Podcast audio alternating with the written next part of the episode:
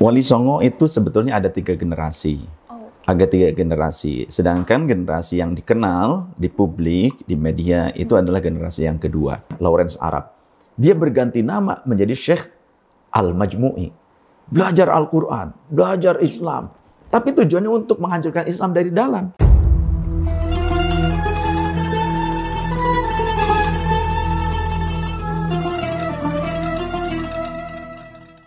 Assalamualaikum warahmatullahi wabarakatuh, sahabat Villa. Ketemu lagi di channel Cafe Rumi Jakarta, channel yang senantiasa memberikan wacana-wacana Islami yang segar dan tentunya mencerahkan. Bersama saya Sarah Monika, kita akan berbincang dengan seorang tokoh tidak tidak hanya mengenai perjalanan spiritual hidupnya, melainkan juga gagasan-gagasannya seputar keislaman, keberagamaan, dan keberagaman di Indonesia. Semuanya terekam dalam Rumicast.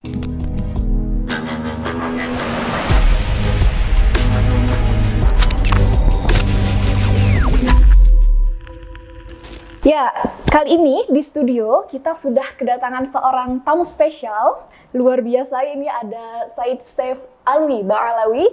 Assalamualaikum Said. Waalaikumsalam warahmatullahi wabarakatuh. Gimana kabarnya? Alhamdulillah, baik. Sibukannya apa ini sekarang Said? Ya, kebetulan kemarin ketika pandemi dakwah kebanyakan online. Dakwah dalam negeri dan luar negeri terpending semuanya karena regulasi pemerintah dari setiap negara kan memang seperti itu. Ya. Tapi tetap pengajian walaupun online tetap jalan. Harus tetap jalan Iya. meskipun vibes-nya berbeda ya Iya. antara yang online dan Ya. offline ini. Dan saya isi dengan kholwat juga. Oh, wow. Hot holwatnya tapi online gitu ya. Kalau kholwat nggak ada online mah. Oke, Said, eh, ini kan pimpinan dari Majelis Ahbabur Rasul di Ahbabur Kerawang Rasul, ya. Hmm.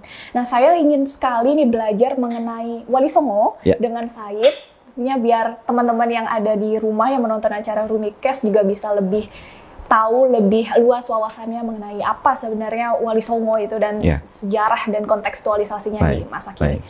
Ya, em, karena infonya nih, saya baca juga di berita-berita bahwa Said Saif Alwi juga salah satu dari keturunan Sunan Gunung Jati gitu. Kalau nggak salah keturunan Alhamdulillah. ke-19 nih. saya udah nyontek di Google. saya nyontek di Google. Bener gitu. Alhamdulillah, ya demikian Mhm, adanya. mhm. Jadi sebenarnya bagaimana ini em, sejarah Wali Songo itu sendiri pertama kali di Nusantara? Wali Songo itu sebetulnya ada tiga generasi. Oh, Ada tiga generasi. Sedangkan generasi yang dikenal di publik, di media, itu adalah generasi yang kedua. oh, Generasi sebelumnya memang tidak eh, seterkenal generasi yang kedua. Jadi Wali Songo itu adalah Dewan Wali. Sesungguhnya di Indonesia ada lebih dari sembilan wali di waktu itu. Di Iya. waktu yang bersamaan ada banyak waliullah ada banyak wali. Ya, yang ada di Indonesia.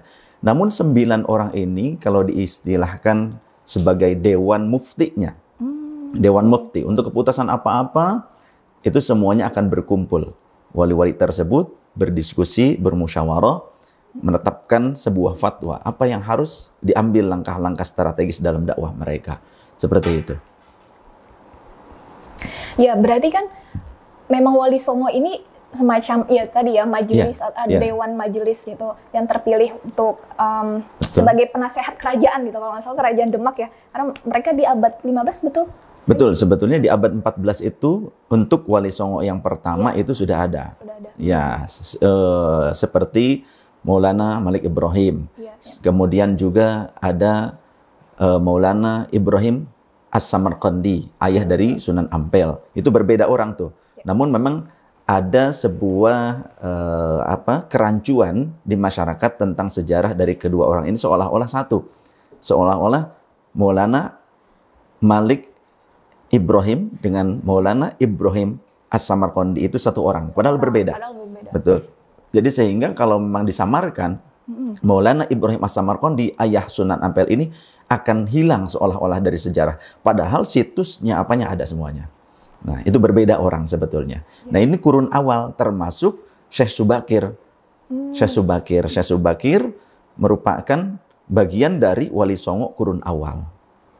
kurun awal jadi kira-kira nih siapa sih wali yang pertama kali em, menyebarkan Islam di Indonesia Sebetulnya sebelum Wali Songo ini sudah ada generasi-generasi Islam, generasi ulama kurun awal yang datang ke Indonesia, yaitu generasi sahabat. Oh. Generasi sahabat. Mereka melakukan perjalanan melalui jalur sutra.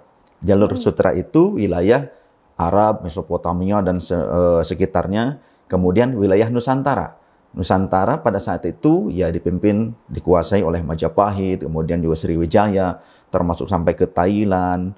Kalau sekarang mungkin juga ada Malaysia, kemudian juga Vietnam. Itu wilayah Nusantara. Dari situ eh, ke Cina.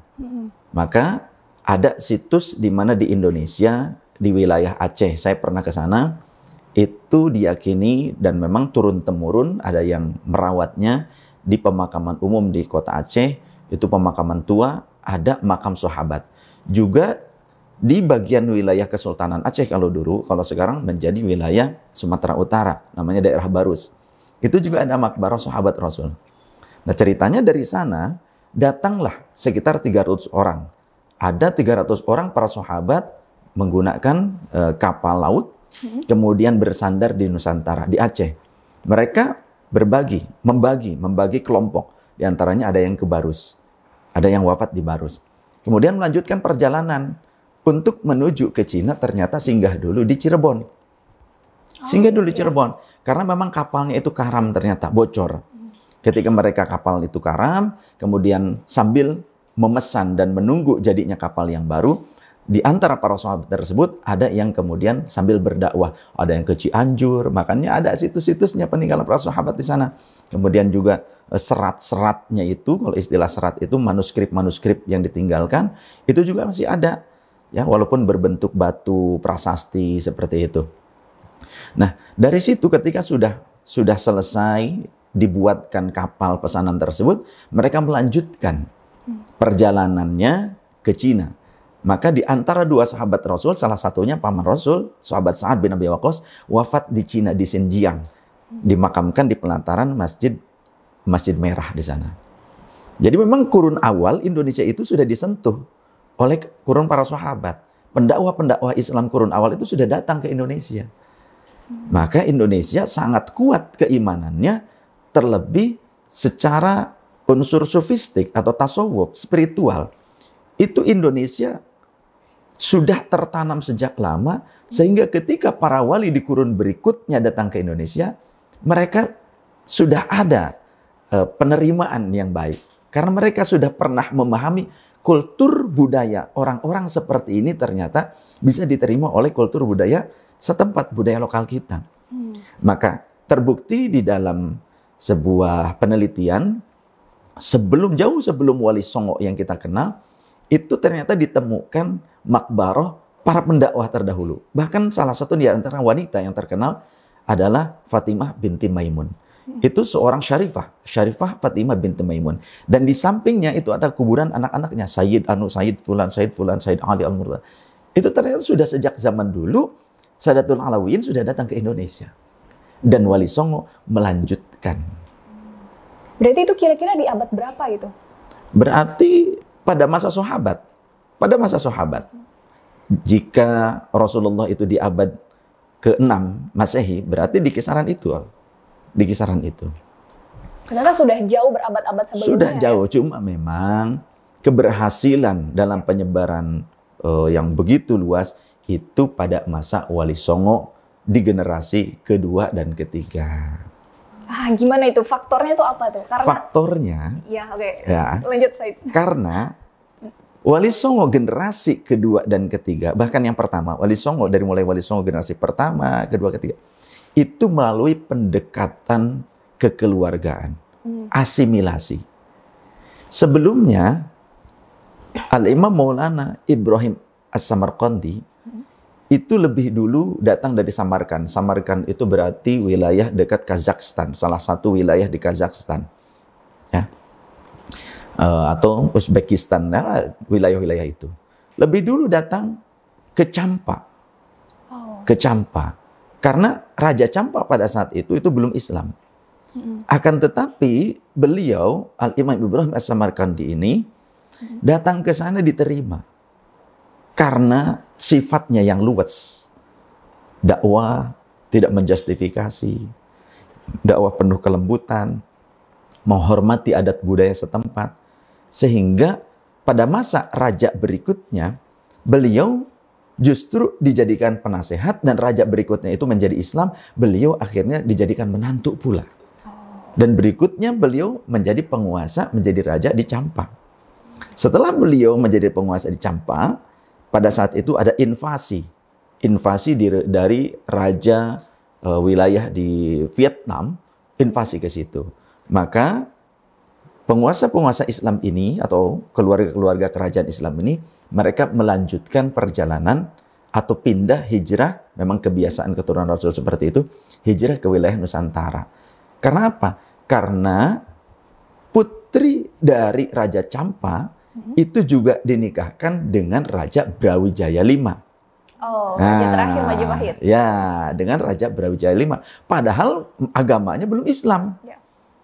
Inilah ijtihadnya para wali yang sangat luar biasa.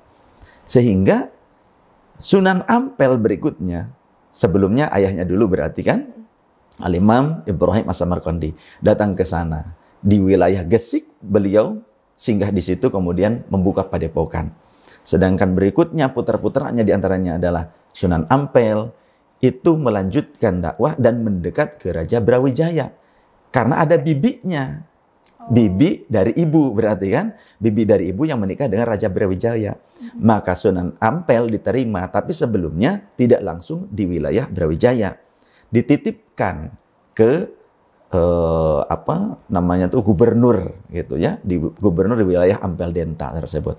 Yang kemudian justru ternyata Sunan Ampel menjadi gubernur pertama di Surabaya itu tercatat dalam sejarah sejarah yang uh, benar-benar valid.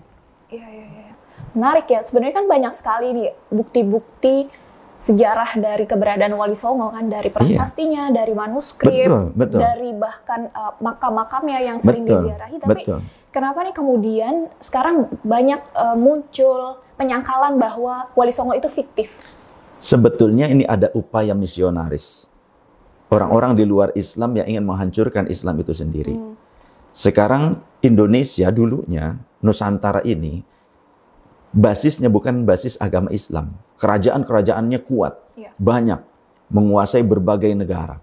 Hmm. Akan tapi agamanya yang resmi ada Hindu, ada Buddha. Ya.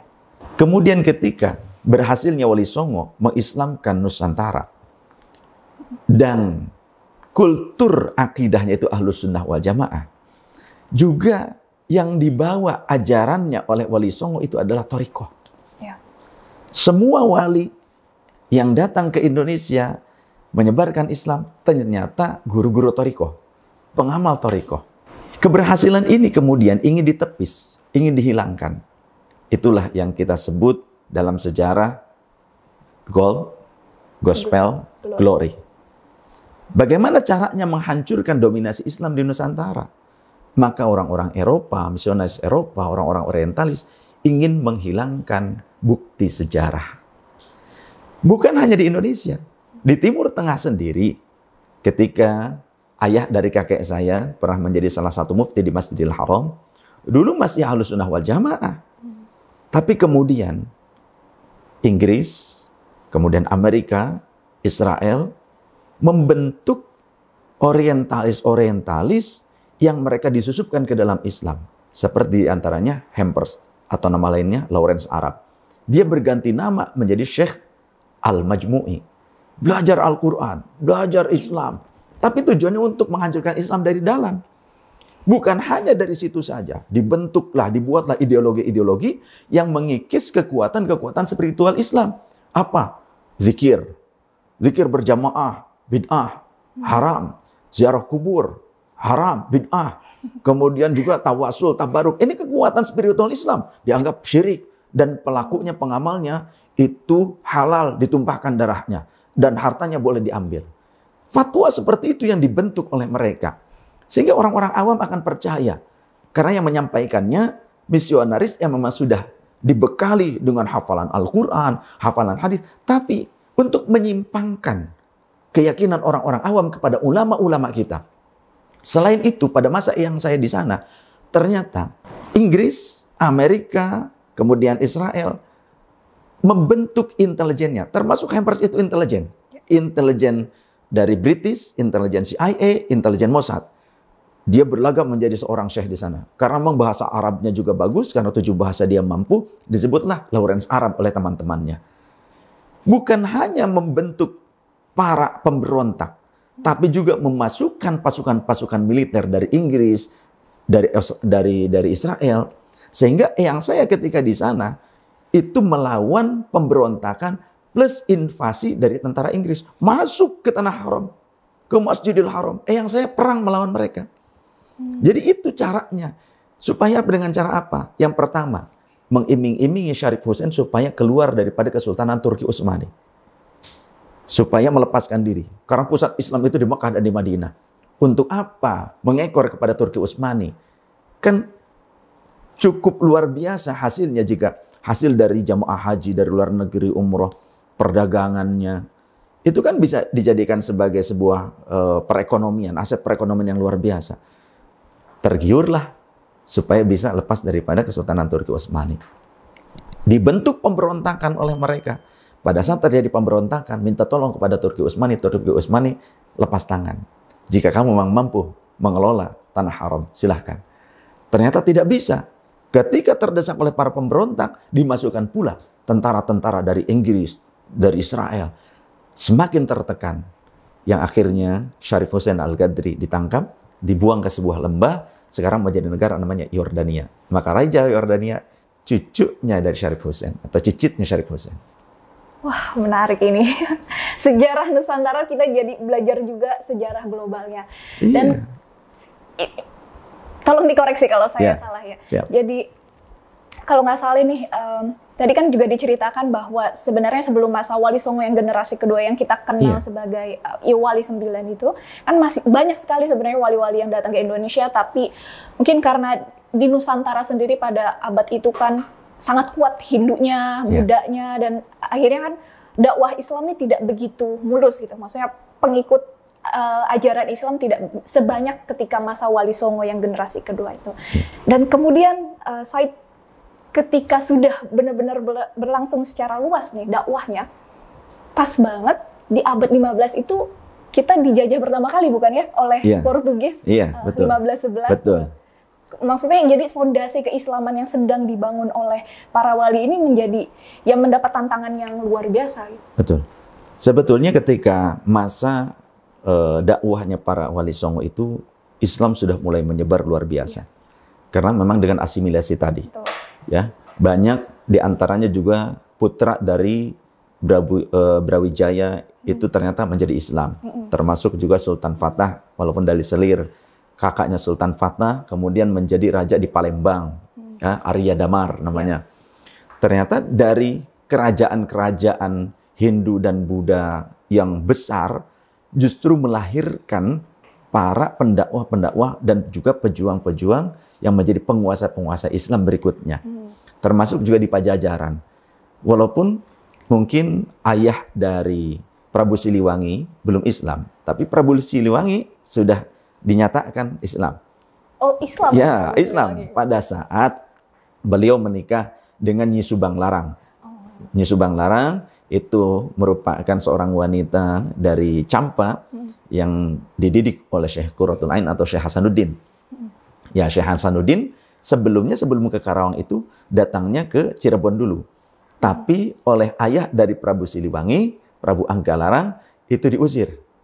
Diusir. Hmm. Ternyata uh, jadi dua tahun sebelum Syekh Nurjati, Syekh Datul Kahfi, itu Syekh Kuro itu sudah lebih dulu datang. Awalnya ke Cirebon dulu.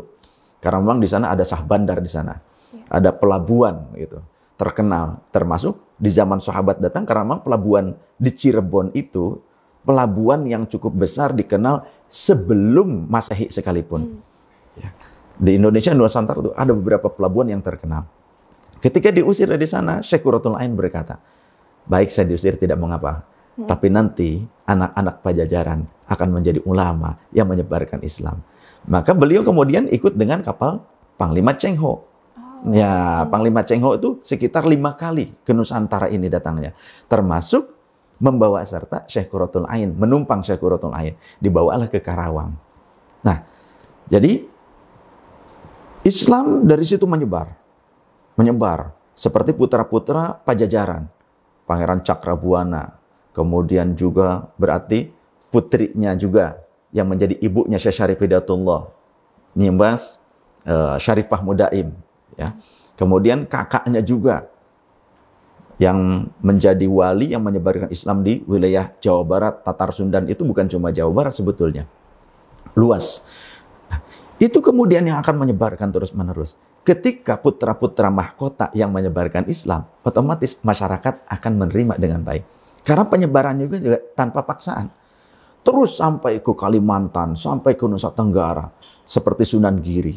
Terus ke sana jadi sudah banyak orang-orang yang mengenal Islam dan memeluk Islam. Ya, ya. Juga banyak pembesar-pembesar dari keluarga-keluarga kerajaan yang sebelumnya beragama Hindu Buddha ternyata kemudian menjadi raja-raja penerus yang beragama Islam.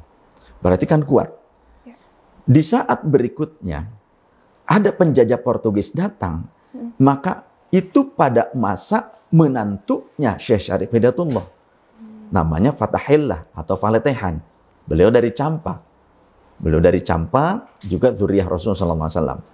Beliaulah yang diutus untuk menghadapi penjajah Portugis di Sunda Kelapa dan memenangkan pertempuran tersebut. Jadi memang sudah dipersiapkan. Kenapa para wali itu sangat-sangat luar biasa. Di kurun berikutnya mereka melawan penjajahan. Artinya penerus wali songo. Wali-wali di kurun berikutnya. Kenapa? Karena nyata kurun Wali Songo tersebut mempersiapkan kerajaan-kerajaan seperti Demak Bintoro. Ya. Untuk apa? Untuk Islam di masa depan di Nusantara ini. Karena mereka wali-wali bukan orang biasa. Firasatnya kuat, mendapatkan ilham dari Allah. Kata Rasul, ittaqu firasatan mu'mini fa innahu yang binurillah.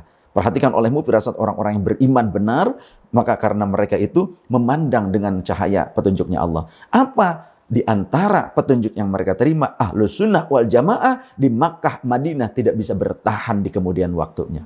Dan betul adanya. Wali Songo datang ke Indonesia itu ternyata perintah. Perintah melalui mimpi dari Rasulullah SAW agar mereka membawa ahlus sunnah wal jamaah ke Nusantara ini. Sehingga berbondong-bondong para wali tersebut. Selain wali yang sembilan, wali-wali yang lainnya berdatangan. Ada yang dari Baghdad. Seperti uh, Sayyid atau Syarif Abdurrahman, Pangeran Panjunan. Itu nyusul Syarif Bidatullah. Kemudian Syarif Syam, dari Syam, dari Syuriah, dari Damaskus. Namanya Syekh Magelung Sakti. Itu juga datang menyusul, menyusul Syekh Syarif Bidatullah. Jadi banyak sekali ulama-ulama di kurun berikutnya, habaib-habaib kurun berikutnya yang berdatangan ke Indonesia untuk belajar kepada Wali Songo dan justru menjadi menantu, seperti Syarif Abdurrahman Basyaiban, menantunya Syekh Syarif Hidatul. Ketika mereka sudah menjadi menantu, otomatis akan ditempatkan di sebuah daerah untuk menjadi uh, kigeden bahasanya. Kigeden itu kalau bahasa kita mah gubernur, senopati, bupati. Ketika sudah wilayah-wilayah tersebut dikuasai oleh para ulama, dan otomatis pertahanan secara militeristik, tapi di zaman seperti itu, itu sudah terbentuk jadi wali songo bukan hanya mereka mempertahankan akidah sunnah wal jamaah, tapi bagaimana menjadikan Nusantara ini rumah besar Islam sunnah wal jamaah yang rahmatan lil alamin. Mana bukti rahmatan lil alamin? Mereka datang tanpa perang. Mereka membawa Islam tanpa menyakiti pemeluk agama yang lain. Bahkan tidak ada satu candi pun yang dirusak oleh wali songo tersebut kecuali hanya satu candi yang dijadikan masjid di Aceh, bukan masa Wali Songo, tapi setelah Wali Songo, itu oleh raja di Aceh. Tapi wilayah-wilayah yang didakwahi oleh Wali Songo tidak ada satupun candi yang dirusak. Tempat ibadah agama lain tidak ada yang dihancurkan. Inilah Islam yang rahmatan lil alamin yang kita kenal istilahnya sekarang sebagai Islam Nusantara. Islam yang ternyata menghormati budaya Nusantara dan menggunakan etika-etika Nusantara. Apa itu? Tepok seliro, saling menghormati satu sama lain. Karena sesungguhnya itu ajaran Rasulullah. Bu itu bil hanifiyati sama kata Rasul. Aku diutus dengan membawa agama yang suci bersih dan juga toleran. Rasul tidak pernah memerintahkan kalau perang dengan orang kafir itu hancurkan kuilnya. Enggak pernah. Inilah ajaran Islam yang rahmatan lil alamin yang Rasulullah ajarkan seperti itu.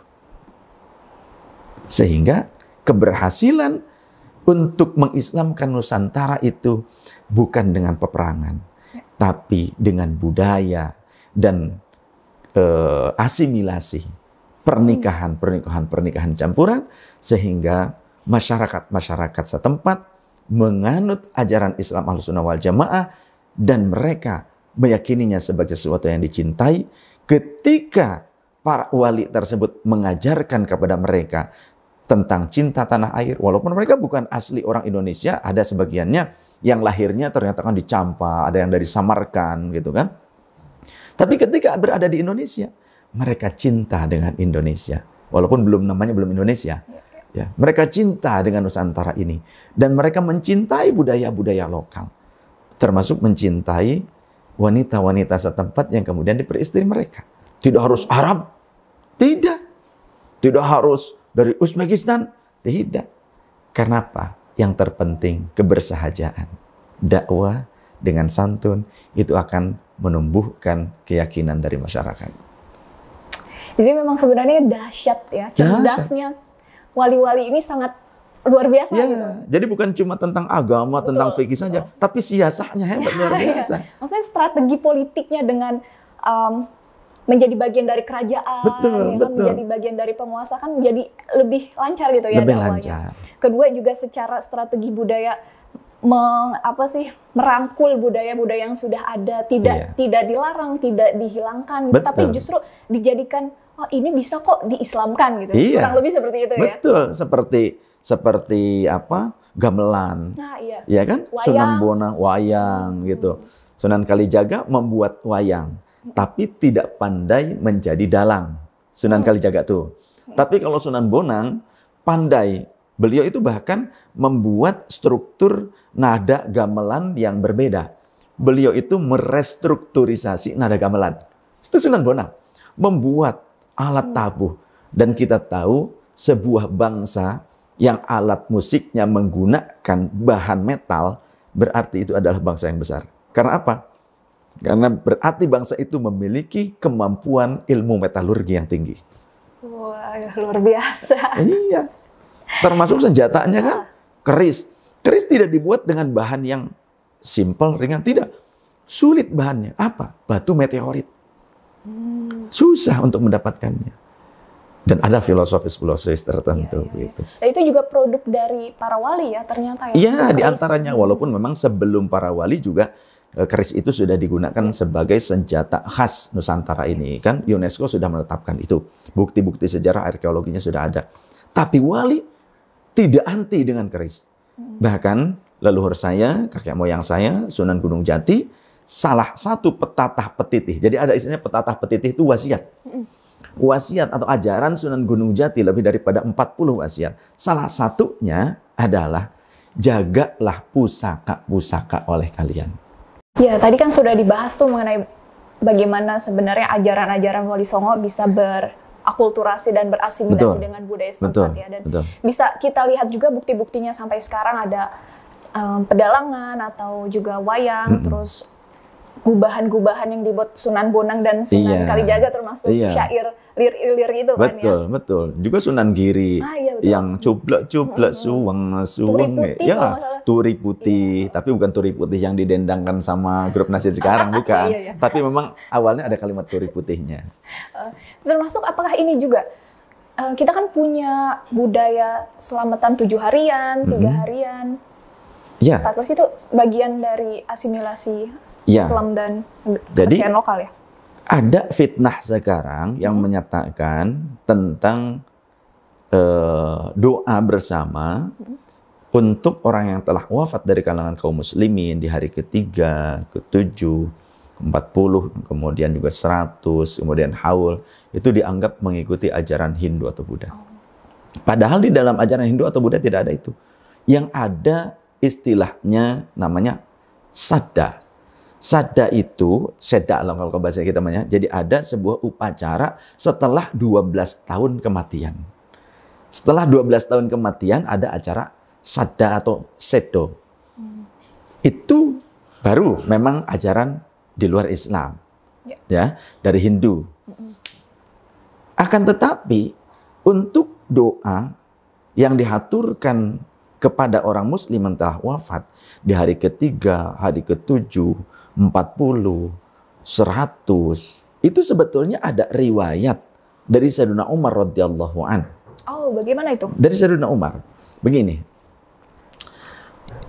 As-sadaqatu ba'da dafni. Sodakoh setelah penguburan si mayat. Yabqa thawabuha, pahalanya akan tetap mengalir kepada si mayat ila thalathati ayamin sampai tiga hari ke depan.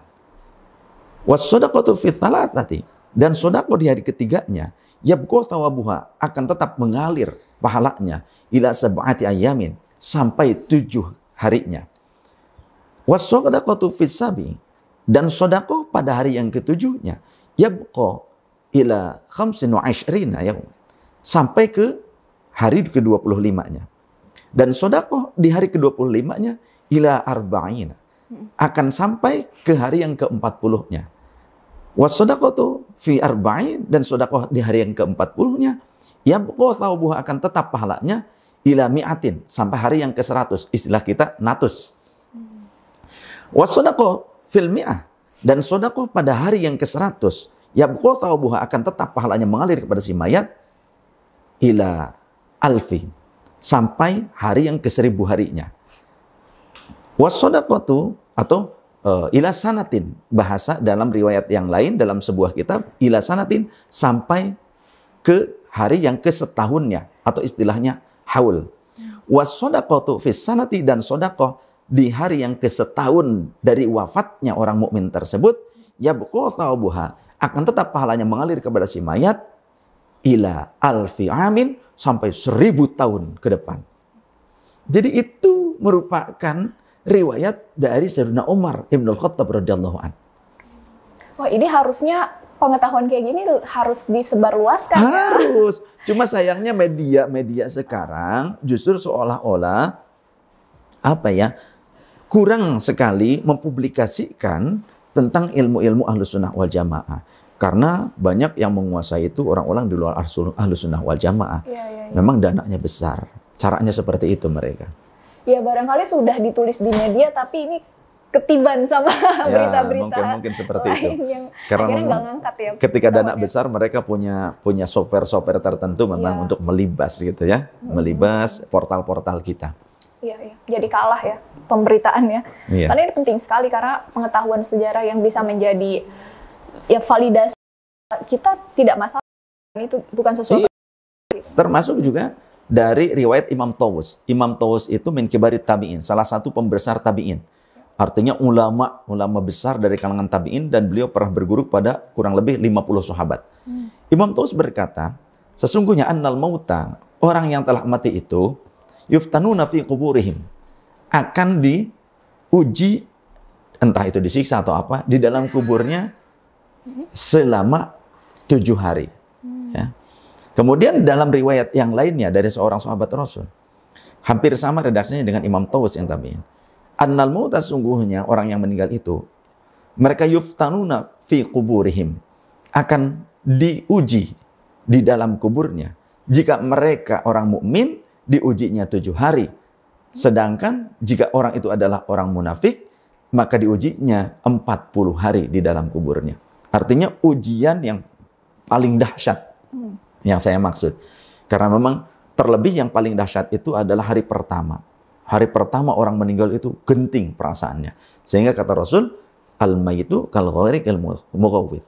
Orang yang meninggal itu bagaikan orang sedang timbul tenggelam. Butuh pertolongan dari orang yang hidup. Dengan cara apa? Di antaranya membacakan Al-Quran, kita hadiahkan untuk mereka. Apakah ada di zaman Rasulullah SAW atau para sahabat?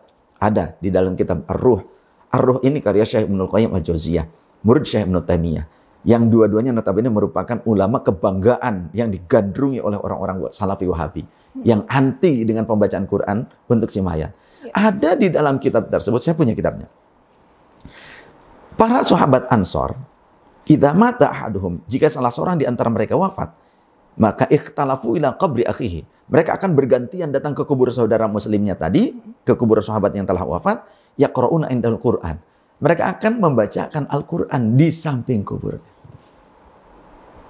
Jadi ada dasarnya Iya, iya. dari sejarah itu dan kita tidak mungkin lepas dari sejarah. Jas merah, jangan sekali-kali lupakan sejarah.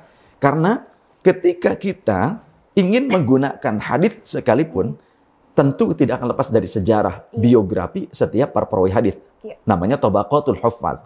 Jika kita tidak memperhatikan sejarah para perawi hadis, kita tidak akan bisa menetapkan hadis ini masuk kategori sahih kah, dhaif kah, maudhu kah? Tidak bisa. Karena menetapkan itu harus mengerti tentang riwayat. Ya. Dan riwayat itu harus mengerti tentang biografi dari rijalul hadis itu sendiri. Dan itu sejarah. Dan itu sejarah. Nah, ketika para perawi hadis tadi mengamalkan hal itu, berarti mereka sudah lebih paham tentang syariat bahwa hal itu boleh. Valid. Ya. Sebetulnya ada di dalam kitab-kitab itu ada banyak dalam kitab-kitab tua itu. Cuman harus mungkin semacam ditulis ulang dengan gaya populer biar orang-orang awam yang Betul. googling tuh bisa baca ya. Betul, betul, betul, betul. Karena memang zaman sekarang tidak semua orang tertarik dengan Baca kitab. eh, baca kitab. gitu. Belum tentu bisa Belum juga. tentu bisa juga. Memang perlu waktu yang cukup lama. Tidak mudah untuk membaca kitab. Kalau mungkin kita belajar bahasa Arab atau pernah tinggal di Arab, kalau sebatas tekstual mungkin kita bisa mengartikannya tekstual. Ya. Tapi secara substantif itu bisa salah. Hmm. Karena banyak disiplin ilmu yang harus kita pelajari, harus kita kuasai untuk bisa memahami dalil atau redaksional Quran, hadis atau kitab-kitab para ulama secara substantif itu perlu disiplin ilmu yang banyak. Ya, pastinya. Ya, tidak cukup. Makanya kata para ulama ahli hadis di antaranya kata Imam Ibnu Hajar, hadis itu bisa menyesatkan bagi orang awam. Kalau orang awam mempelajari secara otodidak ilmu hadis, dia bisa menjadi sesat. Ya, ya. Itu yang berbicara seorang sultanu ahli hadis. Pemimpin, raja, sayyidu ahli hadis. Begitu. Ya, ya, ya. Em, ini juga berkaitan bahwa memang pengetahuan kita tahu pastinya para wali ini kan memiliki pengetahuan hadis yang sangat luas Ya. dan bahkan bisa mengkontekstualisasikannya dengan kehidupan zamannya ya Betul, makanya betul. kan dakwah Islam di masa Wali Songo itu bisa begitu masif dan Betul. diterima dengan baik Iya, pertama karena mereka punya kecerdasan uh, politik juga Ya. terus budaya dan kira-kira apalagi sih yang menjadi karakteristik dari dakwah Wali Songo yang membuat uh, kesuksesan Islam gitu di tanah Nusantara ini baik. Saya mendengar dari para guru bahwasannya semua wali songo itu membawa ajaran-ajaran torikoh. Mereka pengamal torikoh. Apa itu torikoh? Torikoh itu merupakan jalan untuk mengenal Tuhan, mengenal Allah Ta'ala. Dengan cara yang apa? Dengan cara mengenal diri sendiri. Maka kalau kita ingin mengenal Tuhan, kenal terlebih dahulu dengan diri sendiri. Diri ini lemah. Diri ini pasti pernah melakukan kesalahan. Kalau kita mengerti mengenal diri kita ini pelaku kesalahan, kita tidak akan mudah menjustifikasi orang. Ya. Maka seperti itulah Wali Songo. Beliau berdakwah tidak dengan mudah menjustifikasi orang. Tidak dengan menyakiti orang. Karena kita sendiri kalau disakiti sama orang lain kan tidak suka. Iya. Contoh, kita ini muslim. Kita disakiti oleh orang non-muslim. Kita kan tidak akan suka. Maka begitu pula orang lain tidak akan suka disakiti oleh kita. Disinggung oleh kita seperti itu. Maka dakwah Wali Songo dengan cinta, dengan toriko. Dan saya ingin buka-bukaan, bocoran.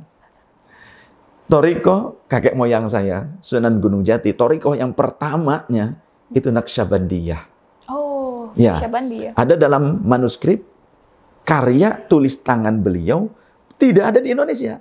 Adanya di Leiden, di Belanda. Ada seorang ulama eh, Nahdlatul Ulama, ulama NU, namanya kayak Haji Ahmad Baso di PBNU. Beliau itu sering ke luar, termasuk ya Al-Maghfurlah Kiai Haji Agus Sunyoto. Jadi beliau mencari manuskrip-manuskrip tua termasuk karya-karya Wali Songo itu. Hmm. Ya, ditemukanlah di antaranya di Leiden. Karena dulu kan bagaimana cara menghancurkan Indonesia, menguasai Indonesia, maka hilangkan bukti sejarahnya. Itu yang dilakukan oleh para penjajah. Belanda, Portugis. Caranya seperti itu. Tapi Wali Songo dulu membawa Islam ke Indonesia, para wali sebelumnya juga, tanpa menghancurkan sejarah lokal yang ada. Malah justru akhirnya terjadi percampuran, ya, mengislamisasikan ajaran-ajaran yang kurang islami, tapi bukan menghilangkannya. Ternyata torikohnya, eh yang saya, yang pertama Naqsyabandiyah, itu tercatat dalam sebuah kitab tua yang ada di Leiden. Kemudian barulah Syatoriyah. Hmm. Ya. Kemudian ada uh, Sunan Ampel. Sunan Ampel juga sama. Naksyabandiyah. Ada lagi di antara selain Wali Songo, ada namanya Syekh Abdul Jalil. Syekh Abdul Jalil dikenal juga dengan istilah Syekh Lemah Abang atau Syekh Siti Jenar. Hmm. Nah, familiarnya Syekh Siti Jenar. Hmm. Beliau itu pengamal toriko. Torikohnya Akmaliyah. Makanya putri beliau yang dinikahkan dengan Sunan Kalijaga, karena dulu Sunan Kalijaga juga pernah tinggal di Cirebon. Hmm. Ya, makanya kenapa disebut Sunan Kalijaga karena ada di sana nama sungainya itu. Dan beliau sering kali di situ. Jadi menyusuri kali karena kalau dulu transportasi yang paling aman, yang paling cepat itu kan melalui jalur air, ya, kali besar. Well, uh, Sunan Kalijaga itu dulu pernah berguru selain ke Syekh Syarif Sunan Gunung Jati, juga berguru ke Syekh Siti Jenar dan bahkan jadi menantunya.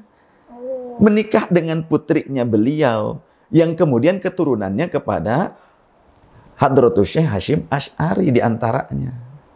Nyambungnya ke situ. Wah, ini info baru ini. Iya. Tadi kan kalau dibilang bahwa uh, Syekh Siti Jenar itu ternyata juga pengikut Torikoh. Pengikut Torikoh, pengamal Torikoh. Iya, pengamal Torikoh. Akmaliyah. Akmaliyah itu Torikoh lokal bukan ya?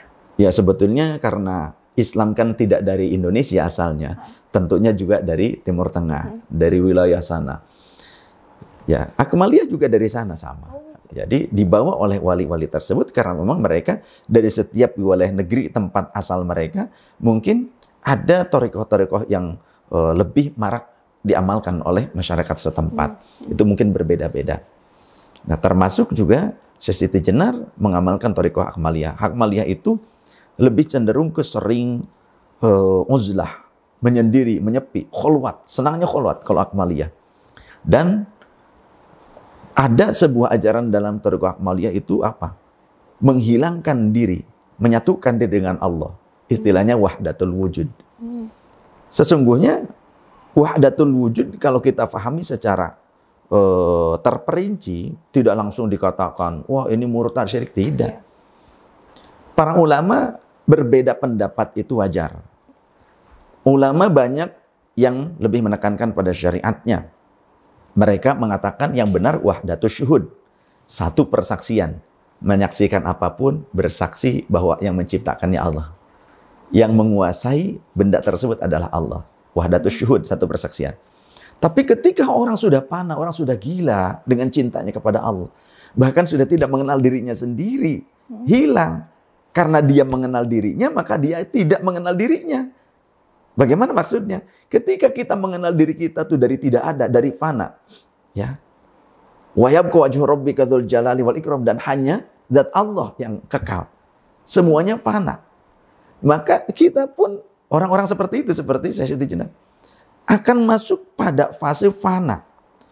Fana itu kehilangan kesadaran atas dirinya yang ada kesadaran kepada Tuhannya saja. Itu sama seperti Al-Imam Al-Hallaj, As-Suhrawardi. Makanya dulu juga mereka dihukum mati seperti itu. Karena dianggap berbahaya bagi umat. Syekh Siti Jenar juga demikian. Maka Syekh Siti Jenar kalau ditanya beliau itu murtad atau tidak, beliau wali. Syekh Siti Jenar itu wali. Cuma madzub. Sayangnya murid-muridnya ini mengamalkan fatwa-fatwa saat beliau sedang madzub. Kalau Sunan Sunan Kalijaga berguru kepada Syekh Siti Jenar, fatwa ketika sebelum madzub dipakai. Tapi ketika mertuanya madzub, ya beliau memisah. Tidak menggunakan, tidak merujuk secara fatwa kepada Syekh Siti Jenar. Tapi merujuk kepada wali-wali yang lain secara fatwa. Karena Syekh Siti Jenar sedang fana, sedang madzub. Maka wali madzub itu ada. Wali madzub itu mereka kehilangan kesadaran terhadap dirinya saking mereka terus on kepada Allah Subhanahu wa taala. Terus mereka ya contohnya seperti kita gini ketika kita uh, tersipu-sipu, kita tergila-gila oleh lawan jenis. Contoh saya laki-laki tergila-gila oleh wanita. Walaupun si rumah wanita itu, untuk mencapai rumah wanita itu kita harus menyeberang sungai. Menyeberang sungai yang dalam. Kita harus renang dulu. Kemudian alirannya deras. Kemudian melewati hutan. Sudah melewati hutan, rumahnya di area pekuburan pula. Ketika harus melewati hal-hal yang seperti itu. Karena konsennya kepada kekasih. Konsennya kepada yang dicintai semua rintangan itu dilewati begitu saja. Ringan. Walaupun ada dedemit lah, ada apa. Gak ambil pusing. Yang dipandangannya dalam dirinya, dalam otaknya itu adalah kekasihnya. Bagaimana jika yang dicintai adalah Allah? Kalau sekelas makhluk saja seperti itu. Wali lebih daripada kesengsremnya, kasmarannya manusia dengan manusia. Wali kasmaran kepada Allah Ta'ala lebih dahsyat. Gitu. Jadi persoalan kenapa beliau di dianggap sesat itu karena ada kesalahpahaman sebenarnya ada kesalahpahaman sebetulnya. Jadi memang di dalam sejarah tergantung penulisnya gitu kan. Ya, tergantung penulisnya. Andai kan kita merujuk kepada manuskrip-manuskrip yang tua yang memang uh, pada masa beliau hidup, kemudian generasi selanjutnya yang mendapatkan hikayat tarikh langsung dari orang yang hidup sezaman tersebut, tentu itu lebih otentik. Nah, hmm. memang para penjajah itu pinternya mereka mengambil serat-serat, biasanya serat itu kan tulisan manuskrip-manuskrip itu, bukti-bukti sejarah itu diambil. Sehingga sekarang kalau kita mau mempelajari sejarah leluhur kita, kita harus pergi ke Leiden, kita harus pergi ke Rusia, kita harus pergi ke Inggris. Karena adanya di sana. Termasuk Duaja. Duaja itu eh, apa bendera Pataka lah ya, Pataka, bendera Panji. Panji Laskar Macan Ali Kesultanan Cirebon, pasukan militernya Kesultanan Cirebon, itu adanya di Leiden. Adanya di Leiden. Dirawat oleh pemerintah Belanda. Karena dulu diambilin. Kekayaan sejarah kita diambil oleh mereka. Supaya apa? Mereka mempelajari itu semua. Di kemudian waktu mereka datang walaupun bukan dengan peperangan, tapi dengan kecerdasan mereka, dengan cara mereka berupaya menguasai negara kita melalui cukong-cukongnya. Atau menggunakan boneka-boneka dari bangsa sendiri. Sehingga nanti mereka lah yang akan mengeruk kekayaan alam kita. Yang sudah terjadi seperti itu di zaman Orde Baru, putra dari penguasa Orde Baru mendatangkan observator dari uh, luar negeri, kalau tidak salah dari Swedia, untuk mengangkat harta terpendam di Laut Cirebon. Itu kapal para sahabat yang tenggelam itu. Alhamdulillah didapatkan. Termasuk 23 butir permata milik Rasulullah dalam sejarah adanya 40. Yang terbawa yang ditemukan 23 di perairan Cirebon. Kemudian banyak lagi, kemudian dilelang di pacuan kuda di Depok itu yang terjadi. Aduh. Jadi memang para penjajah itu, itulah goal, glory, gospel. Rusak bangsa lain dengan cara merusak ingatan sejarah para generasi penerus bangsanya. Jika ingin menguasai suatu bangsa, maka hilangkan ingatan sejarah dari benak generasi penerus bangsa tersebut. Cara itu yang mereka lakukan. Sehingga kita sekarang kehilangan bukti-bukti sejarah. Hmm. Dicuri oleh mereka. Ya, uh, jadi memang semacam ada proses pembodohan gitu kali betul, ya. Betul, Jadi kita tidak lagi dibuat kenal dengan sejarah kita sendiri, terutama soal iya. Wali Songo. Dan bahkan disusupkan. Misionaris-misionaris itu disusupkan. Termasuk ke Indonesia. Dulu ada namanya Dr. Snok Horgrone. Hmm dia itu belajarnya di Timur Tengah, sengaja belajar Quran, belajar ilmu hadis. Tapi dia merupakan misionaris. Berganti nama menjadi Syekh Abdul Ghaffar. Dia tinggal, dia datang ke Sumatera Barat. Sampai diangkat mantu oleh seorang ulama di sana, karena kecerdasannya. Hmm. Tapi ternyata ideologinya menjadi penyebab perang saudara, perang padri. Perang saudara. Siapa dia Syekh Abdul Ghaffar? Dr. Snow Horgronya. Dia misionaris. Ingin mengacak-ngacak. Kemudian juga Van der Vlas. Sama seperti itu. Iya mata-mata Belanda sebenarnya. Betul. Dan yang saya uh, rulkan, rulnya ini jelas. Datanglah Wahabi mengaku Salafi dibawa ke Indonesia, Bu. Hmm. Asalnya kan dari Timur Tengah sana pada zaman Hampers tadi. Pada zaman Hamper itu dibesarkan, dibentuk ideologi, dibuat ideologi-ideologi yang ingin mengikis. Bahkan sisa-sisa peninggalan sejarah di Timur Tengah itu dihancurkan oleh mereka. Itu yang kemudian dibawa, didatangkan, disusupkan ke Indonesia dengan cara ideologi seperti itu. Orang Indonesia banyak orang Islam, tapi banyak yang awam. Ketika didatangkan seolah-olah ini sarjana Timur Tengah dan sebagainya, padahal ideologinya ideologi yang menyesatkan.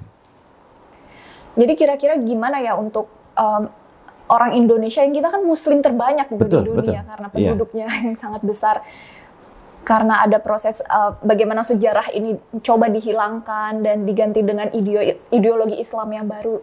Yeah. Jadi apa sih sebenarnya rekomendasinya kalau dari Said Saif sendiri? Apakah orang-orang Islam ini harus bertorikoh semua kah? atau bagaimana untuk lebih bisa menghadapi tantangan zaman? Baik, sebetulnya akarnya ilmu. Hmm. Apa-apa harus dengan ilmu. Man aroda dunia fa'ali bil ilmi. Siapa yang ingin selamat di dunia maka harus punya ilmunya. Ya. Sukses, selamat dunia harus pakai ilmu dunia. Waman aradal akhirata fa'alaihi fa'alaihi bil ilmi. Kalau ingin sukses selamat di akhirat harus pakai ilmunya, harus tahu ilmunya. Waman aradahuma siapa yang ingin selamat dan sukses di keduanya, maka fa'alaihi bil ilmi, harus dengan ilmunya. Kita harus menjadi kita sebetulnya dulu juga bangsa pemikir. Ya. Tapi sayang ke sini-sini apalagi di masa gadget gitu kan. Banyak tidak dimanfaatkan untuk hal-hal yang positif. Harusnya sarana-sarana yang Allah berikan kepada kita bangsa kita sekarang dengan kemajuan, kecanggihan teknologi.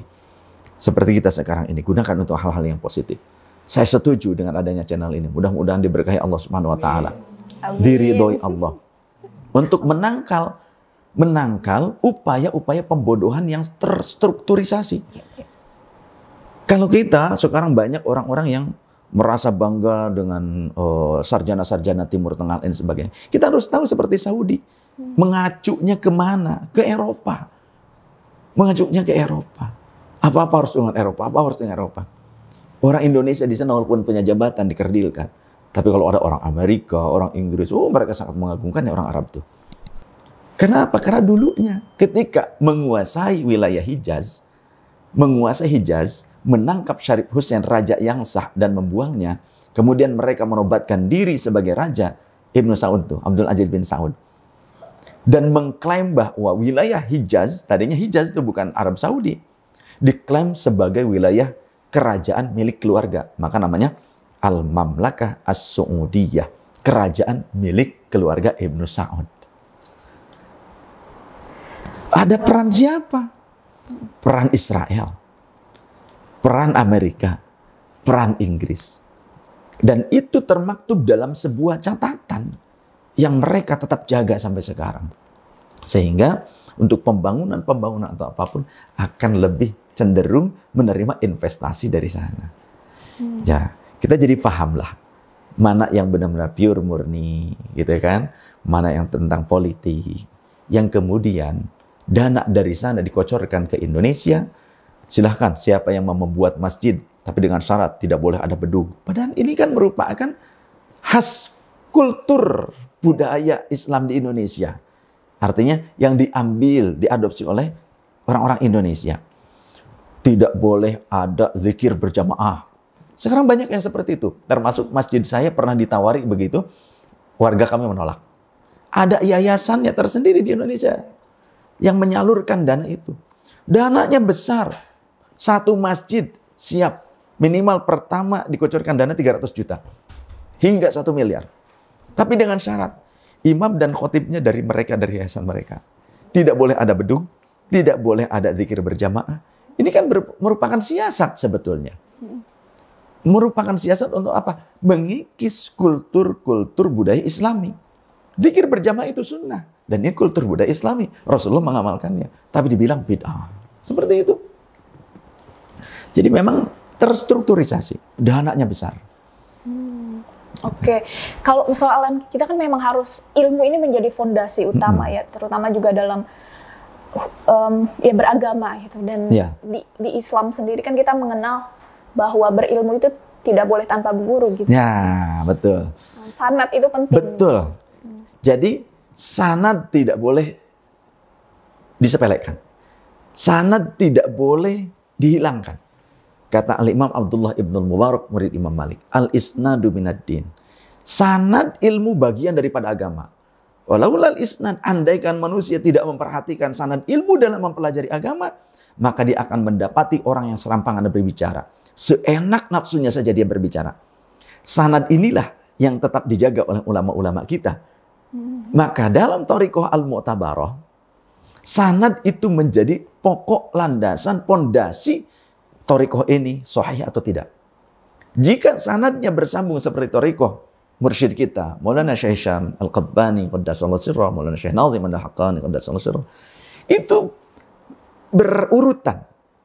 Silsilahnya itu pemberian otoritasnya tidak sembarangan. Tidak asal kita berguru kepada beliau, kemudian kita diperkenankan menyebarluaskan ajaran beliau. Tidak.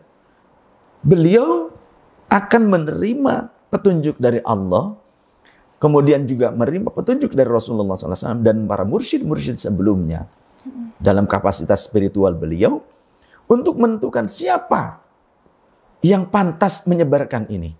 Dan ini pemegang sanad silsilah tersebut.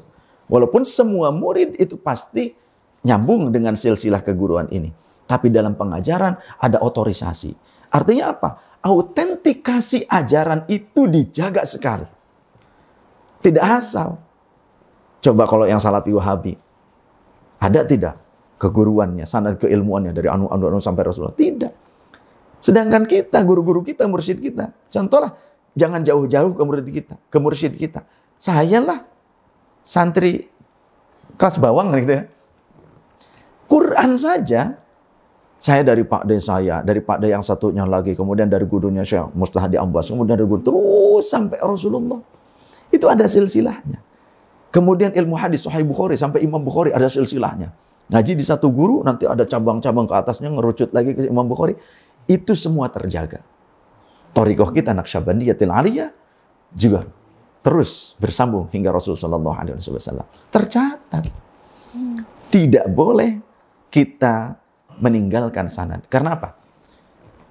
Orang yang mengerti kalamullah yaitu Rasulullah. Betul kan? Ya. Selain Rasulullah tidak mengerti kalamullah jika tidak ditransfer. Jika tidak ditransliterasikan oleh Rasul bahasa Tuhan itu. Karena bahasa wahyu itu bukan tulisan. Ikro, bacalah, bukan membaca tulisan. Huruf, suara, bukan.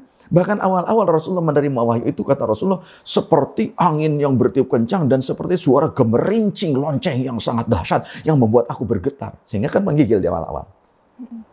Ketika menggigil, berselimut, turun ayat, Ya ayyuhal muddathir, kum fa'angfir. Gitu. Jadi ikro yang dimaksud oleh Allah melalui Jibril kepada Rasulullah apakah membaca tulisan? Bukan. Tapi taharrak, bergerak. Fahami. Fahami, bergeraklah. Pahami ini ayat-ayat kauniyah. Fahami petunjuk dari Allah. Ayatun min ayatillah. Seperti itu. Maka yang mengerti Al-Quran hanya Rasulullah. Lantas kita dari siapa kalau tidak melalui Rasulullah?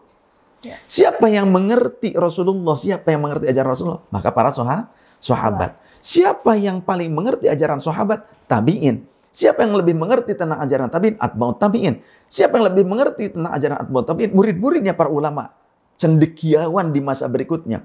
Siapa lebih mengerti tentang beliau? Cendekiawan di masa berikutnya. Maka terus menerus. Jadi kalau ada bahkan dikatakan seorang doktor lah, Timur Tengah, sarjana, ustadz yang mengatakan atau syekh, kita tidak perlu kiai. Kita tidak perlu guru. Guru kita, kiai kita, Muhammad Rasulullah SAW. Begitu katanya. Kapan ketemu Rasulullahnya? Iya. Maka transfer ilmu ini perlu jalur ibaratkan listrik. Kita tidak mungkin mengerti tentang cahaya, tidak akan meny- menyaksikan cahaya dari lampu ini kalau tidak ada jalur kabel yang mengalirkan daya listrik dari pembangkit.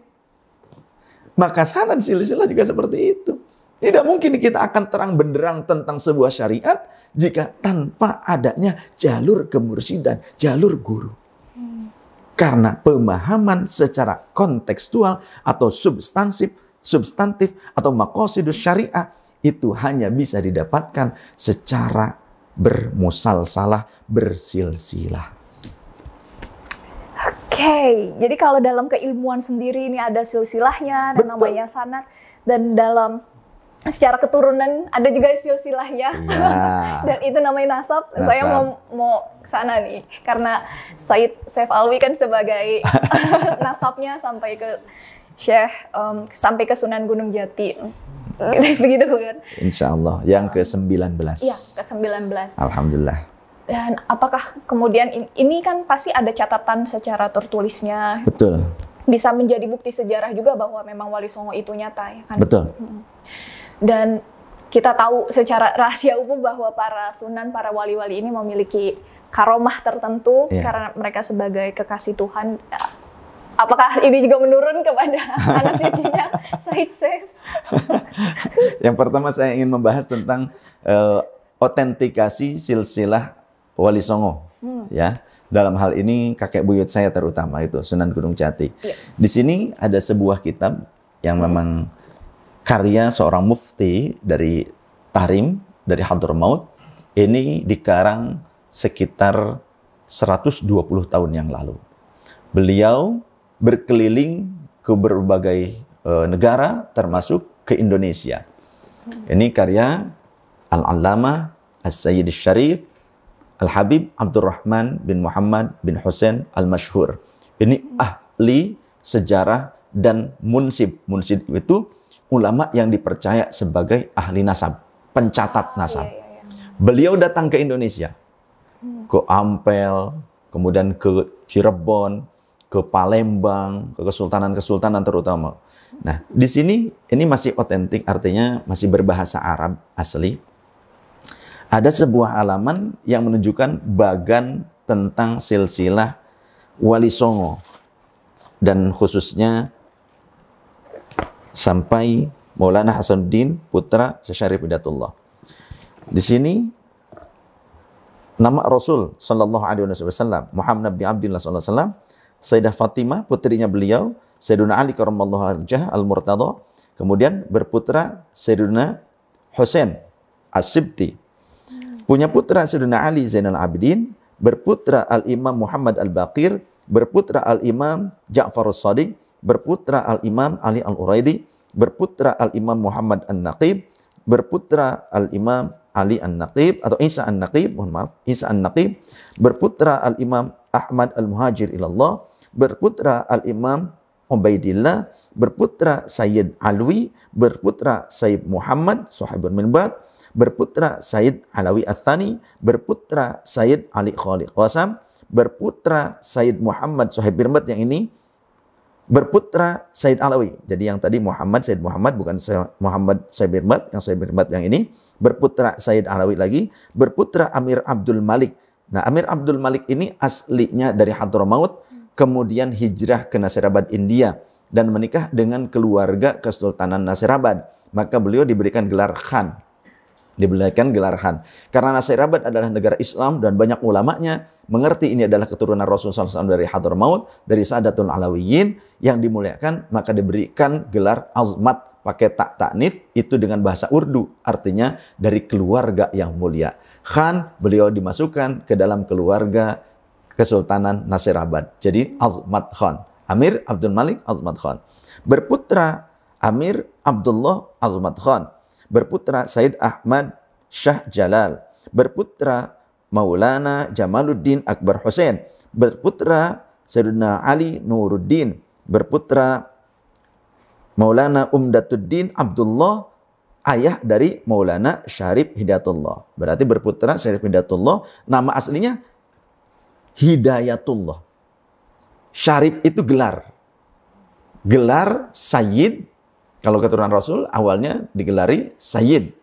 Tapi kemudian waktu ada istilah yang disematkan namanya Syarif, karena bagi siapa? Bagi keturunan Rasul yang biasanya menduduki jabatan-jabatan di kerajaan. Ya, jadi pembesar-pembesar. Itu digelari Syarif. Syarif Hidayatullah punya putra Maulana Hasanuddin Banten. Ini diakui dan dicatat oleh Mufti Tarim. Kitab ini dibuat 120 tahun yang lalu dicatat oleh beliaunya maksudnya. Ini sudah kopian. Ini cetakan berikutnya. Jadi beliau datang langsung ke Nusantara, langsung mencatat, datang ya secara ot, apa otentik melihat manuskrip-manuskripnya. Nah, begitu pula Wali Songo. Wali Songo ada ketersambungan. Mereka itu masih kerabat sebetulnya, ada hubungan kekerabatan. Di sini kita ambil dari syajarah Alu Abdul Malik bin Alwi bin Muhammad Suhaib Mirbat. Said Abdul Malik yang tadi hijrah dari Hadramaut ke Nasirabad, India, menikah dengan keluarga Kesultanan Nasirabad, berputra Said Abdullah. Said Abdullah Azmat Khan. Kemudian berputra Said Ahmad, berputra Said Jamaluddin Akbar Hussein. Jamaluddin Akbar Hussein punya putra yang pertama Barokat, kemudian Ali Nurul Alam, kemudian Ibrahim Al-Akbar. Dari Barokat punya anak Malik Ibrahim. Sunan Ger Gersik. Maulana Malik Ibrahim. Kemudian juga putra yang lainnya Ahmad Abdurrahman Ar-Rumi. Kemudian dari Ali Nurul Alam punya putra Abdullah berputra Hidayatullah ya atau Syarif Hidayatullah Jaddu Salatin Syirbun wa Banten. Kakek moyangnya Sultan-Sultan Cirebon dan Banten. Sedangkan kalau dari Ibrahim Al-Akbar punya putra Ali Rahmatullah Sunan Ampel punya putra Maulana Ishak, punya putra yang lain maksudnya, punya putra yang lain dari Ibrahim Al-Akbar ini ada Ali Al-Murtado. Nah, ini eh, kakaknya Sunan Ampel.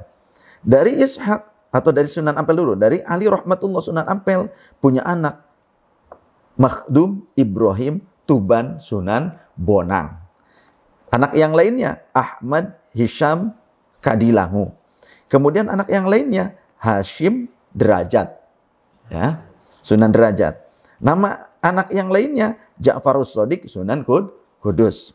Nama putra beliau yang lainnya Zainul Abidin Demak. Sultan Demak. Nah, kalau dari Ishak punya putra Muhammad Ainal Yakin Sunan Giri. Dari Sunan Giri punya putra Ibrahim Ali Darmakusuma. Dan nyambung terus. Masih banyak.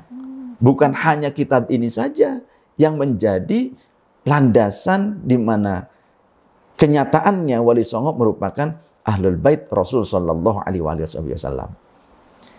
Semua Wali Songo ahlul bait Rasul Sallallahu Alaihi Wasallam. Termasuk kurun berikutnya seperti Fatahilah, Faletehan, ya itu menantunya Syarif Datullah. Itu juga zuriyah Rasul Sallallahu Alaihi Wasallam. Syekuratul Ain zuriyah Rasul juga. Apalagi Syekh Syarif, namanya juga sudah Syarif, Syarif, namanya Hidayatullah, gelar Syarif. Beliau itu merupakan zuriyah Rasulullah SAW. Memang ada yang diperdebatkan siapa Sunan Kalijaga. Ya. Ya. Itu benar lokal Indonesia bagaimana? Nah, sebetulnya walaupun lahir di Indonesia, tetap saja darahnya darah-darah dari sana keturunan sana. Ada dua versi. Yang satu menyatakan Sunan Kalijaga masih ada kekerabatan dengan Wali Songo yang lain dan jalur laki-lakinya sampai kepada Rasul Sallallahu Alaihi Wasallam. Artinya sebagian daripada satu Awin. Ya. Tapi kalau menurut ada sebuah buku yang boleh teman-teman juga miliki, ini sangat bagus luar biasa, hasil kajian yang sangat detail, Atlas Wali Songo. Karya Ki Haji Agus Sunyoto Al-Maghfurlah. Ini orang yang sangat berjasa ini. Di dalam karya beliau, Ki Agus Sunyoto ini, ada silsilah Sunan Kalijaga. Sunan Kalijaga dalam sebuah uh, manuskrip, ada beberapa manuskrip serat-serat yang zaman dulu, dinyatakan itu dari Sayyiduna Abdul Muttalib berputra Sayyidina Abbas dari, dari dari pamannya Rasul. Oh. Jalurnya dari paman Rasul. Ya tetap masih Ahlul Bait karena dari Bani Hashim dan Bani Muthalib.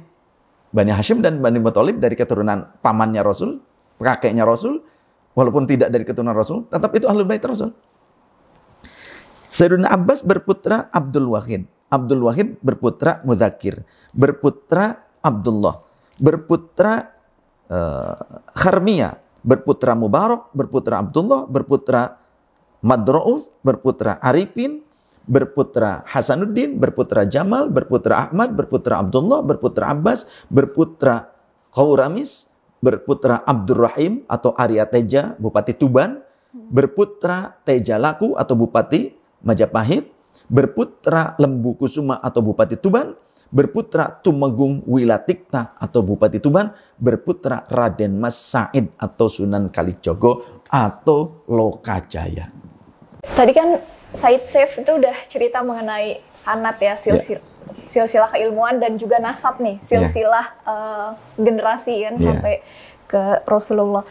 Dan memang penting sekali untuk mengetahui ini ya sebenarnya soal sanat Terus juga bahwa sanat eh, sanat-sanat yang ke Rasulullah termasuk yang dimiliki oleh para sunan dan para wali ini kan dianggap memiliki karomah gitu ya.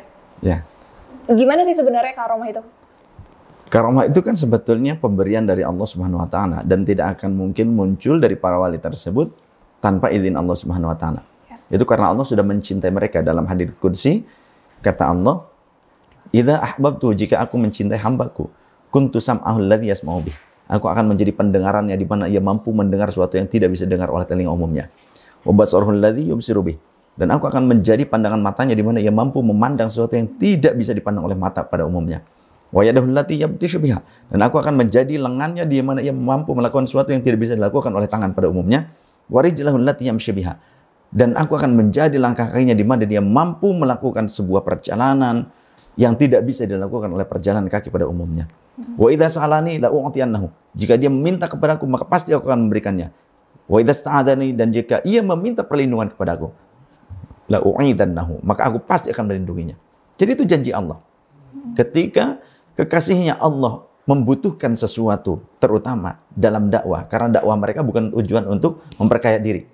Dakwahnya para wali adalah untuk mengagungkan Allah supaya umat ini yang tidak paham kepada Allah, tidak kenal kepada Allah menjadi paham. Namanya murabbi gitu kan. Orang yang mengenalkan kepada Allah Subhanahu wa taala. Di antara karomah-karomahnya memang banyak sekali. Di antaranya bisa berpindah tempat dengan sangat cepat. Ini jangankan sekelas Wali Songo Sunan Gunung Jati yang dulu.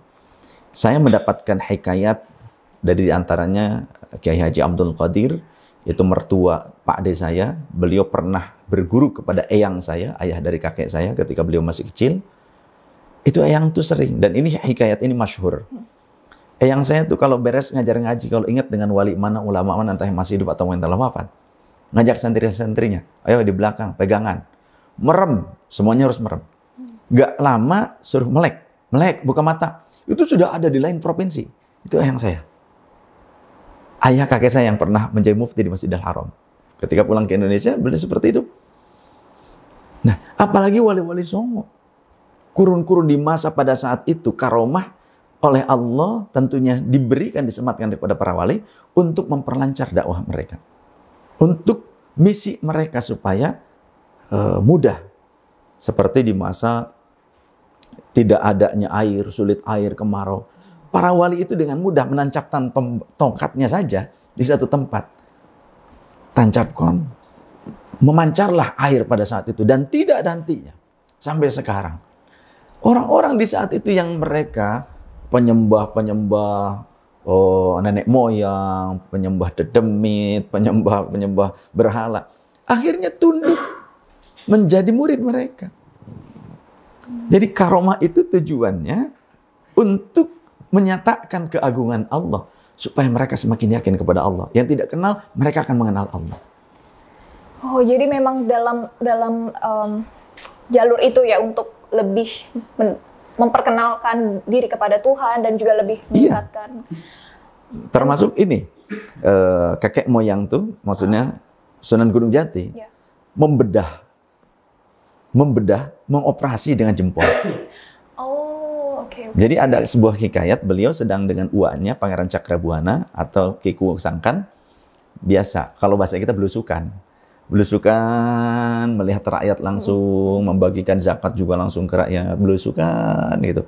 Ternyata melihat menyaksikan ada seorang wanita yang dikejar-kejar suaminya mau dibunuh. Bawa senjata suaminya mau dibunuh teriak-teriak. Akhirnya wanita tersebut kebetulan berpapasan dengan Sunan Gunung Jati yang menjadi penguasa Cirebon pada saat itu meminta tolong. Bersimpu minta tolong. Kenapa? Itu suaminya, datang suaminya. Wahai Kanjeng Sunan, biarkan aku membunuhnya. Kenapa? Dia telah berbuat zina katanya. Dia menuduh istrinya zina. Karena memang perutnya agak kembung, agak membesar. Istrinya kagak tidak berbuat zina katanya. Ada keluhan pada perut. Wah bohong katanya gitu. Suaminya tetap kekeh. Akhirnya begini. Bolehkah saya menjadi penengah? Kita akan buktikan, meminta kepada Allah untuk melihat isi perut istrimu. Bolehkah saya membelah perut istrimu begitu? Karena sudah dikenal kewaliannya, karomahnya. Maka si pria tersebut, si suami, baiklah, disaksikan oleh sang suami. Maka kemudian dibelah perut si perempuan tersebut. Ternyata ada tumor di dalamnya. Daging jadi di dalam perutnya. Dicabut, dirapatkan kembali, dirapatkan lagi perutnya. Tanpa bekas. Maka di situ rumah tangga ini aman, selamat. Dan tidak sampai terjadi pembunuhan. Jadi karena penyakit. Itu salah satu karomah yang terkenal. Luar biasa. Berarti memang karomah-karomah ini kan juga menjadi semacam ya memang keistimewaan dari para wali songo Iya, masa an- itu ya Pak betul, masa itu Betul. selain bahwa berdakwah eh, memperkenalkan Tuhan kepada masyarakat lokal tapi juga sebenarnya kan untuk mempertahankan apa ya hmm, semacam otoritas, Otoritas, kerajaan betul, betul. Dan Jadi- juga untuk menyelamatkan, Yes. menyelamatkan orang lain. Begitu. Dan sebenarnya kalau misalnya kita kaitkan nih dengan konteks sekarang di mana beragama itu kan secara tidak langsung kita juga harus membela negara tempat kita tinggal kan sebagaimana dulu para Betul. wali songo Betul. mempertahankan kerajaan-kerajaan Iya, itu dari iya. para kolonial. Betul. Gimana pendapat Said Saif sendiri ada, ketika ada pertentangan antara keberagamaan ini dengan kenegaraan gitu? Kalau kita merujuk kepada hadis Rasul, ada sebu- eh, beberapa riwayat hadis di antaranya. Kalau Rasul pulang dari luar Madinah, Ya. kemudian Faro'a Judron al Madinah, melihat ketika akan pulang ke Madinah dan melihat dinding-dinding bangunan yang bagian pinggirnya Madinah, artinya bangunan terluarnya Madinah, maka Rasulullah SAW jika berada pada eh, untanya, maka beliau akan mempercepat laju unta tersebut untuk sampai ke Madinah. Dan jika beliau sedang menunggangi kuda, faharrokaha, maka Rasul akan menggerak-gerakkan kuda tersebut ya seperti Zoro gitu-gitu kan. Menggerak-gerakkan kudanya, diputar-putar, dinaik-naikkan. Saking apanya? Lihubbiha. Karena saking cintanya kepada Madinah. Madinah bukan tempat lahir Rasul. Tempat di mana bumi dipijak beliau tinggal hijrah di situ. Tapi juga Rasul pernah berkata, ketika beliau melaksanakan Fathu Makkah, datang menguasai Mekah tanpa peperangan. Beliau berkata, wahai Mekah, engkau adalah negeri yang paling kucintai. Andaikan aku tidak terusir darimu, niscaya aku enggan untuk meninggalkanmu. Artinya itu Rasulullah sangat mencintai tanah kelahirannya. Dari situlah para ulama memahami cinta negara merupakan bagian daripada iman. Hubbul waton minal iman. Lapan hubbul waton minal iman laisa minal hadith, bukan hadith, tapi ungkapan ulama menyampaikan sebuah substansi hadith. Jadi sebenarnya hal itu tidak perlu dipertentangkan. Tidak perlu dipertentangkan. Bisa menjadi Islam dan bisa menjadi ya bangsa Indonesia. Betul. Buktinya Rasulullah membuat peradaban di Madinah. Dan di Madinah bukan cuma orang Islam saja yang ada. Ada Yahudi, ada Nasrani, ada Majusi. Rasul membuat piagam Madinah yang melindungi seluruh bangsa Madinah. walaupun beda etnis, Ya. walaupun beda agama, beda suku. Bahkan Rasulullah datang ke Madinah mempersatukan suku Aus dan Khazraj yang 300 tahun berperang terus tanpa minta imbalan. Rasulullah menikahkan mereka satu sama lain. Seperti itu. Jadi mencintai negara merupakan keniscayaan yang harus dipegang erat, pegang teguh oleh orang-orang muslim di mana pun berada. Ya. Ada istilah di mana bumi dipijak, di situ langit dijunjung. Jangan sampai kita lahir di negeri Indonesia yang tercinta, mencari nafkah, makan dari hasil tumbuhan Indonesia, minum dari sumberan air Indonesia, bahkan mungkin nanti meninggal dikuburkan juga di tanah Indonesia, tapi tidak mencintai bangsa sendiri, bahkan menjadi pengkhianat bangsa, lebih cinta kepada bangsa lain. Kalau memang lebih cinta kepada bangsa lain, suruh pergi saja tuh orang dari Indonesia. Ya, ya. Jangan tinggal di Indonesia. Jangan tinggal di Indonesia. Jelas sebenarnya secara dasar negara sendiri kita sudah di dibela gitu ya, sudah ada fondasi uh, ideologi kan Pancasila Betul. yang bisa memeluk semua, tidak hanya bahkan bangsa uh, Betul. masyarakat Islam, tapi Iya. juga suku-suku lain dengan kepercayaan yang berbeda. Ya, dan Pancasila itu merupakan eh, apa? intisari nilai-nilai daripada Al-Qur'an. Ketuhanan yang Maha Esa, Qul huwallahu ahad. Kemanusiaan yang adil dan beradab. Innallaha ya'murukum bil adli wal ihsan. Ihsan adab, peradaban, berbuat baik. Gitu kan? Persatuan Indonesia. Wa'tasimu bihablillah jami'an wa la tafarraqu. Karena pada dasarnya wa'tasimu bihablillah jami'an wa la tafarraqu bukan hanya tentang agama, tapi persatuan bangsa. Ketika di Madinah seperti itu. Kemudian kerakyatan yang dipimpin oleh hikmat kebijaksanaan dalam permusyawaratan perwakilan, semuanya ada dalilnya. Wa amruhum syura bainahum gitu. Rasulullah diperintahkan bermusyawarah. Padahal pada saat beliau bermusyawarah dan hasil keputusan bersama diterima, hasilnya kurang memuaskan, apa itu? Perang Uhud bisa dikatakan kaum muslimin kalah pada saat itu. Tapi kenapa kok Allah memerintahkan Rasulullah bermusyawarah? Padahal sebelumnya perang menang, mempertahankan diri. Kata Rasul sudah bertahan saja ketika ada eh, apa provokasi dari kafir Quraisy datang ke Uhud. Yang muda-muda bilangnya, ah Muhammad wis tuwe, Muhammad wis tuwe gitu ya. Kalau bahasa sekarang. Udah tua tuh katanya kehilangannya Ali sekarang udah tua. Ayo kita saja yang muda-muda gitu. Turunlah ayat itu. Ya, wasyawirhum fil amr. Bermusyawarahlah engkau wahai Nabi dengan mereka. Akhirnya dikumpulkan. Kalau yang benar-benar alim dan kekuatan imannya kepada Rasulullah sam'an wa ta'atan, kata Rasul apa pun, kami sami'na wa ta'na. Tapi yang muda-muda ternyata lebih banyak bersuara, lanjut ya. Ikuti provokasi dari orang kafir Quraisy tersebut. Kita lawan, maju ke medan tempur. Ya akhirnya Rasul menggunakan zirah besi.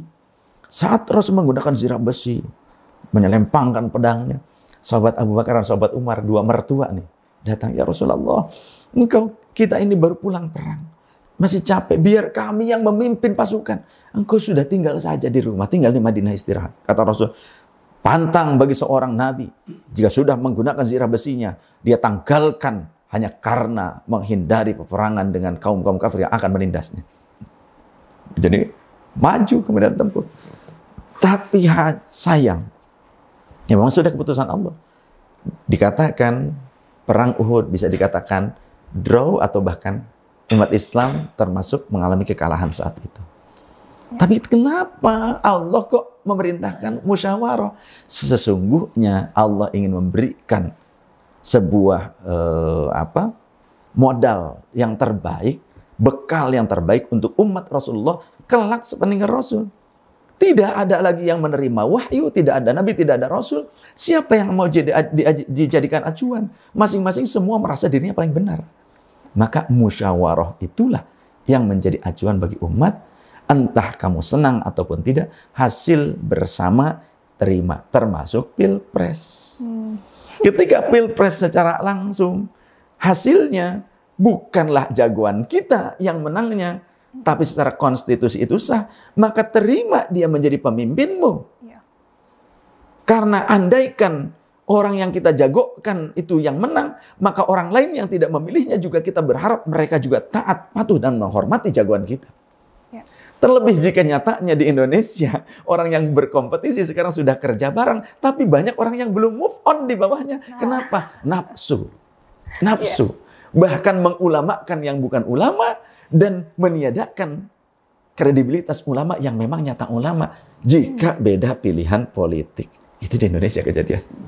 Padahal sudah jelas ya bahwa beriman itu juga kita harus hormat terhadap konstitusi. Iya, betul. Bahkan kata Rasulullah, "Man ahana sultana Allah." Siapa yang menghina pemimpinnya, bahkan pemimpin yang terdekat dengan kita di masyarakat RT, kita ngejek Pak RT, Allah akan menghinakan kita. Hmm. Begitu. Kewajiban, kewajiban. Kata Rasul, "Fi usrika wa yusrika." Ketika kamu senang ataupun dalam keadaan tidak senang dengan dengan apa namanya itu kebijakan-kebijakannya, tetap taat. Tetap. Gitu. Ya. Kecuali dengan dalam maksiat. Kalau bukan maksiat, ya wajib taat hukumnya. Nah, kira-kira nih pesan terpenting apa dari Said Safe kepada kalangan muda yang tengah menonton Rumi Cash kali ini biar bisa lebih apa ya mengamalkan? Pertama kan udah tadi sudah diperkenalkan bagaimana sejarah Wali Songo. Dan bagaimana kemudian pengamalannya dalam kehidupan saat ini? Apa yang bisa kami petik nih? Baik. Sahabat-sahabatku Rumi Channel yang dirahmati Allah Subhanahu wa taala. Kata kunci yang paling penting untuk para milenial. Jangan salah guru. Salah gaul masih mudah untuk diperbaiki. Tapi kalau sudah salah guru, maka akan sangat berbahaya dan bisa menyesatkan bukan hanya untuk dirinya, bahkan untuk orang lain. Kama qala Syekh Joker radhiyallahu an. Joker itu kan tadinya baik begitu kan? Ternyata kan ideologinya salah jadi seperti itu. Dia membenarkan ideologinya sendiri. Ya, tertawa boleh lah, senyum-senyum sedikit gitu. Tapi jangan lupa, ya, kalau ada sedikit rezeki, kita bantu channel ini supaya lebih baik lagi. Seperti itu dong, ya. Ya, terus subscribe jangan lupa. Saya ajak teman-teman untuk subscribe dan jangan lupa di situ sebelah kanan itu ada lonceng. Disentil atau dipalu. dipalu itu deng supaya bunyi notifikasinya setiap saat. Pokoknya tonton terus channel ini.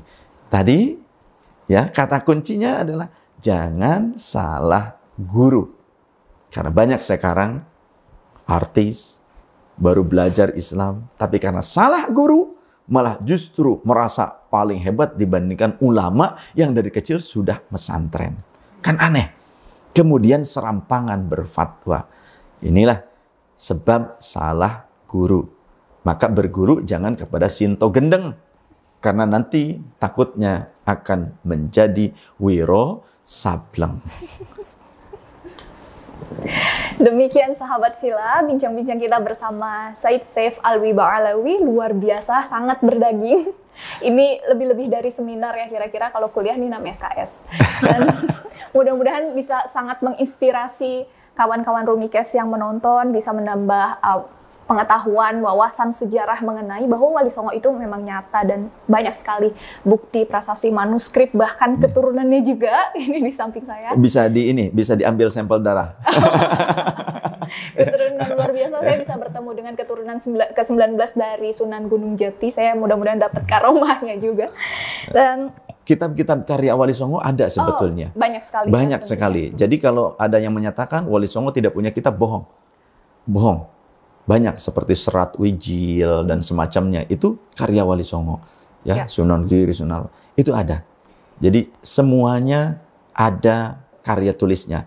Termasuk tulisan tangan berupa Al-Quran itu juga ada. Masih tersimpan. Ada di keraton ada di museum-museum uh, penelitian Wali Songo juga ada. Termasuk di luar negeri. Di Leiden di mana itu banyak Ya, memang uh, sudah sangat terbukti ya bahwa wali-wali dan ulama kita itu mereka juga penulis gitu. Banyak-banyak kitab yang kemudian menjadi bahan ajaran juga untuk murid-muridnya saat ini yang bisa menyambungkan sanatnya kepada guru-guru di masa lampau. Baik, uh, saya ada sedikit puisi ini saya akan kutip. Meski pernah terjerumus ke lembah atau sempat terbang ke angkasa megah, jiwa mulah sejatinya marwah itulah yang membuat hidup ini indah. Saya Sarah Monika, pantengin terus Rumicast, uh, channel Rumicast Indonesia. Jangan lupa like, subscribe, dan watch share, uh, spread, jangan, uh, agar semua berita baik ini dapat tersebarkan dan Anda menjadi bagian di dalamnya. Wabillahi taufiq wal hidayah wa ridho wal inayah. Wassalamualaikum warahmatullahi wabarakatuh. Waalaikumsalam warahmatullahi